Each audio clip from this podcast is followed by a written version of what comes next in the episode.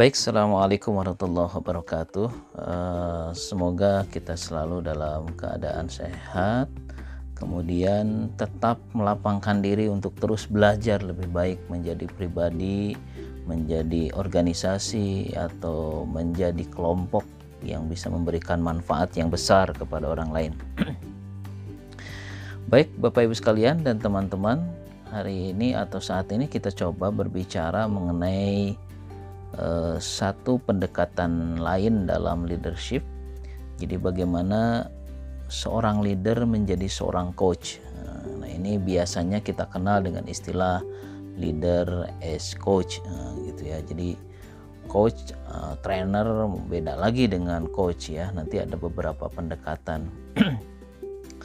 nah, pendekatan pemimpin sebagai seorang coach ini memang erat kaitannya dengan perkembangan dunia sumber daya manusia gitu ya. Jadi pemberdayaan sumber daya manusia ini bergeser sangat cepat sekali. Kalau dulu awalnya orang hanya berpikir bahwa saya punya pekerja, kemudian pekerja ini didata berapa orang, ini akan menghasilkan tenaga sekian, cuman seperti itu saja gitu ya. Jadi hanya ada kumpulan-kumpulan manusia.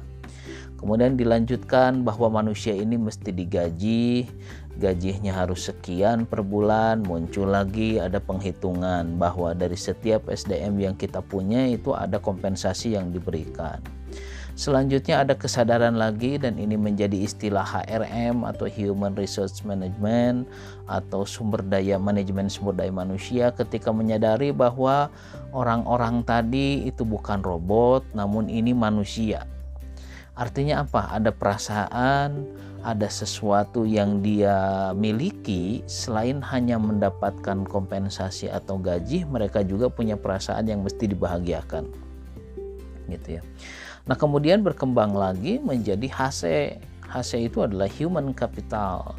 Jadi bagaimana justru orang ini bukan hanya orang yang punya perasaan, bukan hanya harus empati terhadap yang diinginkan, tapi juga bagaimana mereka untuk terus memiliki performa yang lebih baik, bagaimana mereka bisa kompetitif.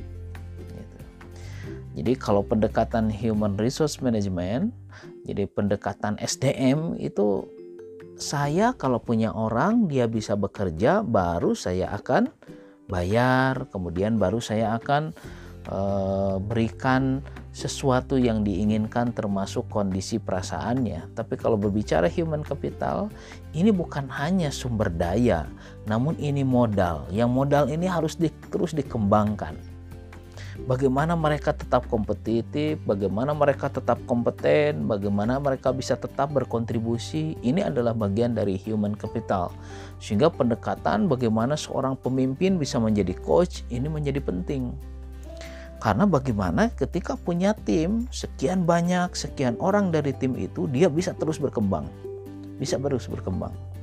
Sehingga kalau kita berbicaranya jadi human capital jadi kalau pendekatan tadi kan ada SDM, ada pendekatan human capital, ini dijalankan oleh sistem manajemen yang mendesain serta mengimplementasikan bahwa kekayaan manusia yang ada pada timnya itu harus terus berkinerja yang baik. Jadi harus tinggi. Makanya ini yang dimaksud dengan sasarannya adalah high performing human asset. Jadi bagaimana memiliki aset sumber daya manusia dengan kinerja yang tinggi. Nah inilah sasaran-sasaran pemberdayaan sumber daya manusia saat ini yang bukan lagi hanya disebut sumber daya namun menjadi capital atau menjadi modal. Nah, dengan kondisi dan latar belakang seperti itulah, maka pemimpin bukan hanya menjadi seorang komandan, namun harus menjadi seorang coach. Gitu ya. Coach tentu beda fungsinya dengan seorang guru, tapi ada sebuah fungsi-fungsi yang ini dilatar belakangi oleh kebutuhan yang tadi. Bahwa tim harus memiliki high performing human asset. Jadi ada aset sumber daya manusia yang memiliki performa yang tinggi. Jadi menjadi seorang coach gitu ya. Ada pendekatan katanya kalau coach itu beda dengan guru biasa. Kalau guru mengajarkan tahu, tapi coach mengajarkan sampai bisa, bahkan berkembang kemampuannya. Termasuk bukan hanya supaya berkembang, tapi bagaimana menempatkan. Nah ini kata kunci yang lain adalah bagaimana menempatkan posisi. Makanya kita sering kali mendengar the right man on the right place. Jadi bagaimana bahwa orang yang tepat dalam tempat yang tepat atau posisi yang tepat. Nah, coach kan begitu. Makanya kalau Bapak Ibu sekalian melihat di sepak bola kita bisa melihat bagaimana seorang coach itu menempatkan, oh ini cocoknya di kiri, ini cocoknya di sayap kanan, ini cocoknya di bagian belakang, ini cocoknya pengarang dan sebagainya.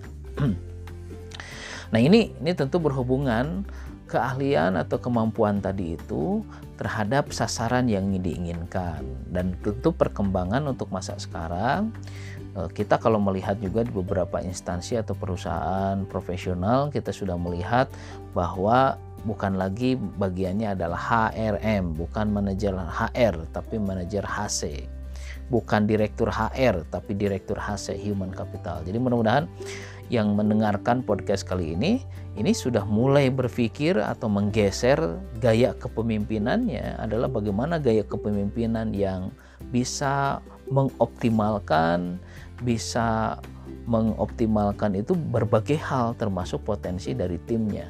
Bahasa tadi sasarannya adalah high performing human asset. Jadi bagaimana menciptakan aset sumber daya manusia yang memiliki kinerja tinggi.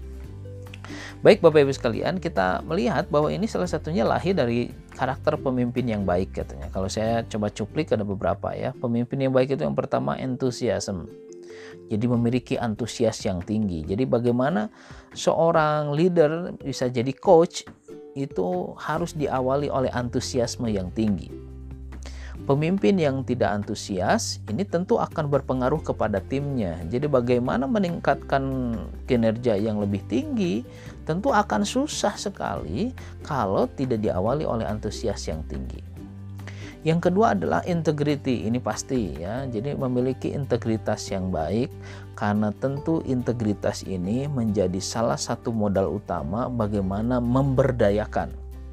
Ingat, memberdayakan bukan memperdaya ya tapi memberdayakan tim gitu ya. Jadi orang dipercaya kata-katanya, dipercaya arahannya, dipercaya ajaran-ajarannya ini jika memiliki integritas. Dalam podcast yang lain atau dalam diskusi yang lain, kita sering kali menjelaskan integritas adalah doing the right thing, salah satunya when no one is watching. Jadi salah satunya dari pengertian integritas itu adalah melakukan hal yang benar walaupun tidak ada yang melihat. Dan ini harus menjadi jiwa seorang pemimpin ketika dia mau menjadi leader as coach. Kemudian apalagi resilient gitu ya. Tangguh, tenacious, gigih. Jadi memang selain antusiasme dan kemudian integritas, pemimpin yang mau menjadi seorang coach, leader as coach tadi itu dia harus memiliki ketangguhan dan tentu kegigihan ketika melakukan sesuatu. Bahasa kitanya ulet gitu ya. Jadi tekun gitu ya karena memang betul seorang leader dia akan memahami betul bahwa timnya itu memiliki potensi yang sangat beragam.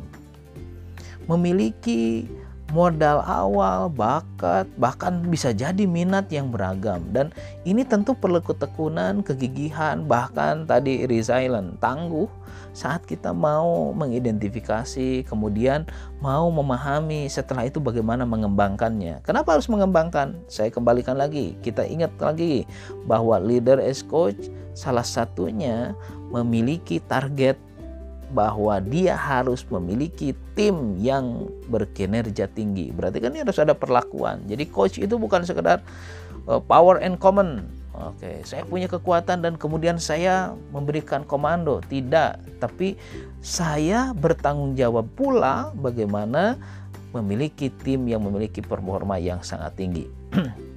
kemudian selanjutnya apalagi komponen pemimpin yang bisa menjadi coach itu adalah fair, adil, ini. Jadi objektif sekali pemimpin yang seperti itu.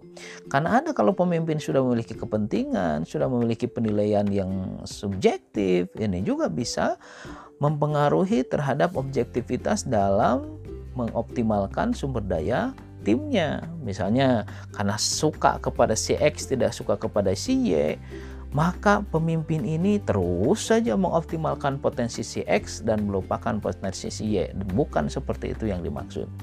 Kemudian ada lagi warm, keramahan. Jadi memang pemimpin ini ramah menjadi partner yang baik, menjadi sahabat yang keren ketika mengoptimalkan kinerja bawahannya. Apalagi humility, rendah hati. Gitu ya. Jadi sekali lagi leader as coach bukan menyadarkan bahwa saya seorang pemimpin dengan sekian otoritas saja. Nah, gitu ya. Karena kalau bergerak hanya dengan otoritas bahwa kita punya posisi atau potensi yang lebih tinggi ketimbang tim kita. Oh ya saya ingatkan eh, sudah mulai bergeser nih penyebutan juga. Kita dari tadi bilangnya tim ya bukan bawahan. Karena memang ini kita berbicara saya punya tim gitu ya. Sehingga ini biasanya diawali oleh tadi komponen humility rendah hati kalau kita hanya menyandarkan kepada otoritas, jadilah pemimpin yang otoriter. Itu. Kalau terus-terusan otoriter tentu bawahan atau tim, kita sekarang lagi lagi menyebut sebagai seorang tim, ini tidak akan teroptimalkan performanya. Dan uh, salah satu yang lainnya lagi, bagaimana menjadi pemimpin yang bisa menjadi coach adalah confidence, percaya diri. Jadi pemimpin itu memiliki keyakinan bahwa saya bisa memberdayakan tim menjadi lebih baik. Oke.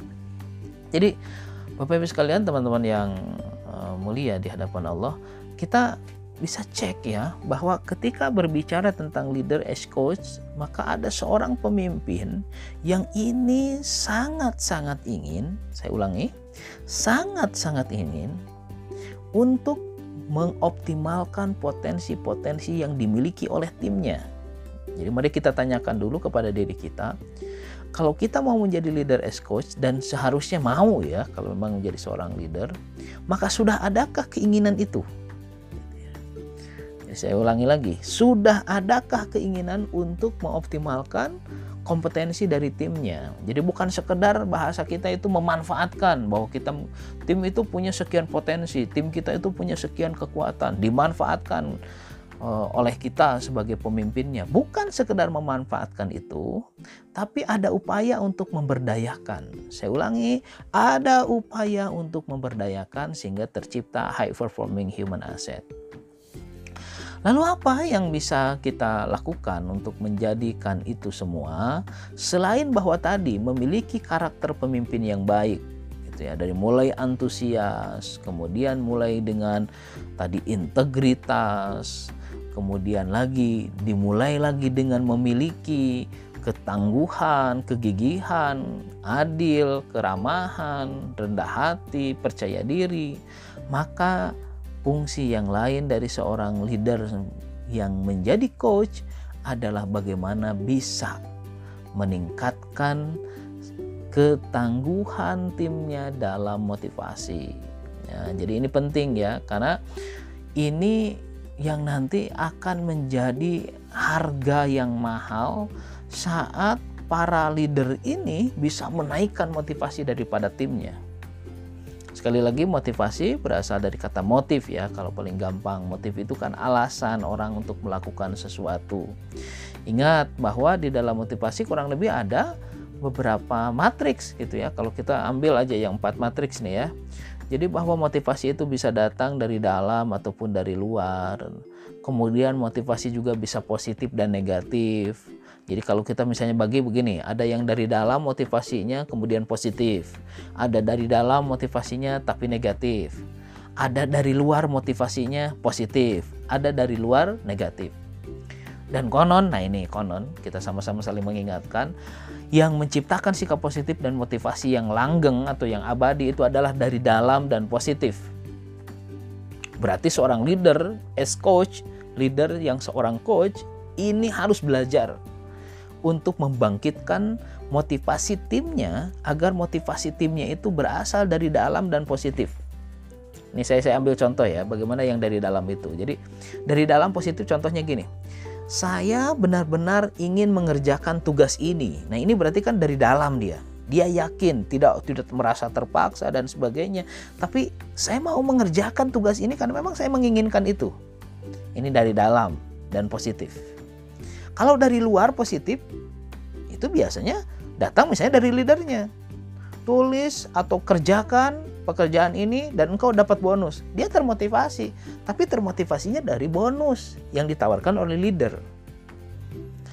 Kalau yang dari luar negatif, Wah, biasanya ini dia sertai kalau tadi dengan bonus, ini justru disertai dengan ancaman misalnya. Kerjakan ini, kalau enggak ya sudah dikurangi gaji, dipotong insentif, dipecat kamu. Nah, ini juga ada dari luar negatif. Bisa dikerjakan sih. Tim mengerjakan tapi tidak dari hati kalau bahasa kita ya. Nah, ternyata ada lagi yang dari dalam negatif. Dari dalam negatif ya sudah. Saya memang benar-benar tidak ingin mengerjakan ini ya sudah. Itu biasanya agak susah tuh untuk di, dikondisikan lebih lanjut. Sehingga kalau kita berbicara bahwa target leader as coach dalam memberi motivasi adalah bagaimana mengarahkan timnya itu sehingga dia mengerjakan dengan senang hati memang lahir dari diri. Coba. Tentu ini bukan pekerjaan yang hanya mengandalkan otoritas kalau mengandalkan otoritas bisa jadi dia akan bekerja, bisa jadi dia akan bergerak. Tapi bergeraknya dari sudut apa? Motivasi dari dalam, eh, atau maaf dari luar. Gitu ya. Jadi karena otoritas seorang leader maka dia mengerjakan. Mengerjakannya bisa karena bonus atau mengerjakannya karena terpaksa, karena terancam gitu ya. Nah, jadi hal-hal begini yang menjadi pertimbangan-pertimbangan seorang leader gitu ya, menjadi pertimbangan seorang coach kalau bahasa kita sehingga dia mau atau bisa mengarahkan potensi timnya itu dengan kesadarannya sendiri. Jadi bukan karena otoritasnya dan tentu ini perlu kehati-hatian juga, perlu berlatih juga bagaimana melahirkan tim-tim yang ketika diajarkan atau diajak untuk mengerjakan sesuatu berkontribusi kepada organisasi itu memang lahir dari kondisi dirinya. Ah, nah ini yang akan menjadi seri-seri pembelajaran, seri-seri diskusi kita tentang leader as coach. Sehingga Bapak Ibu sekalian, di sesi awal atau di podcast satu ini, berbicara tentang leader as coach, ini tentu kalau melihat kondisi sekarang gitu ya dengan karakter manusia yang begitu sangat beragam dan mereka menuntut berbagai hal kepada pemimpinnya ini mutlak untuk dipelajari. Bagaimana kita menjadi seorang leader sekaligus sebagai seorang coach gitu ya. Atau leader yang memerintah atau mengarahkan timnya. Nah, memerintah juga ini mungkin masuknya lagi kepada tadi common hanya komando gitu ya yang mengarahkan timnya memberdayakan timnya layaknya seorang coach Nah ini tentu kita harus banyak belajar termasuk saya bagaimana mengembangkan itu sehingga akan lahir pribadi-pribadi dalam tim kita yang memiliki tadi kesadaran mengoptimalkan potensi dirinya dengan dorongan dari hatinya masing-masing, bukan karena otoritas yang dimiliki oleh pemimpinnya. Oke, mudah-mudahan ini pengantar yang baik bagi kita untuk belajar bagaimana menjadi seorang leader yang menjadi seorang coach dengan sasaran tadi.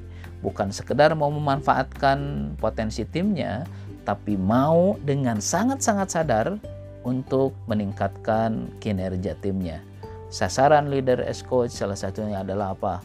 Mewujudkan, membentuk high performing human asset memiliki aset sumber daya manusia yang berkinerja tinggi.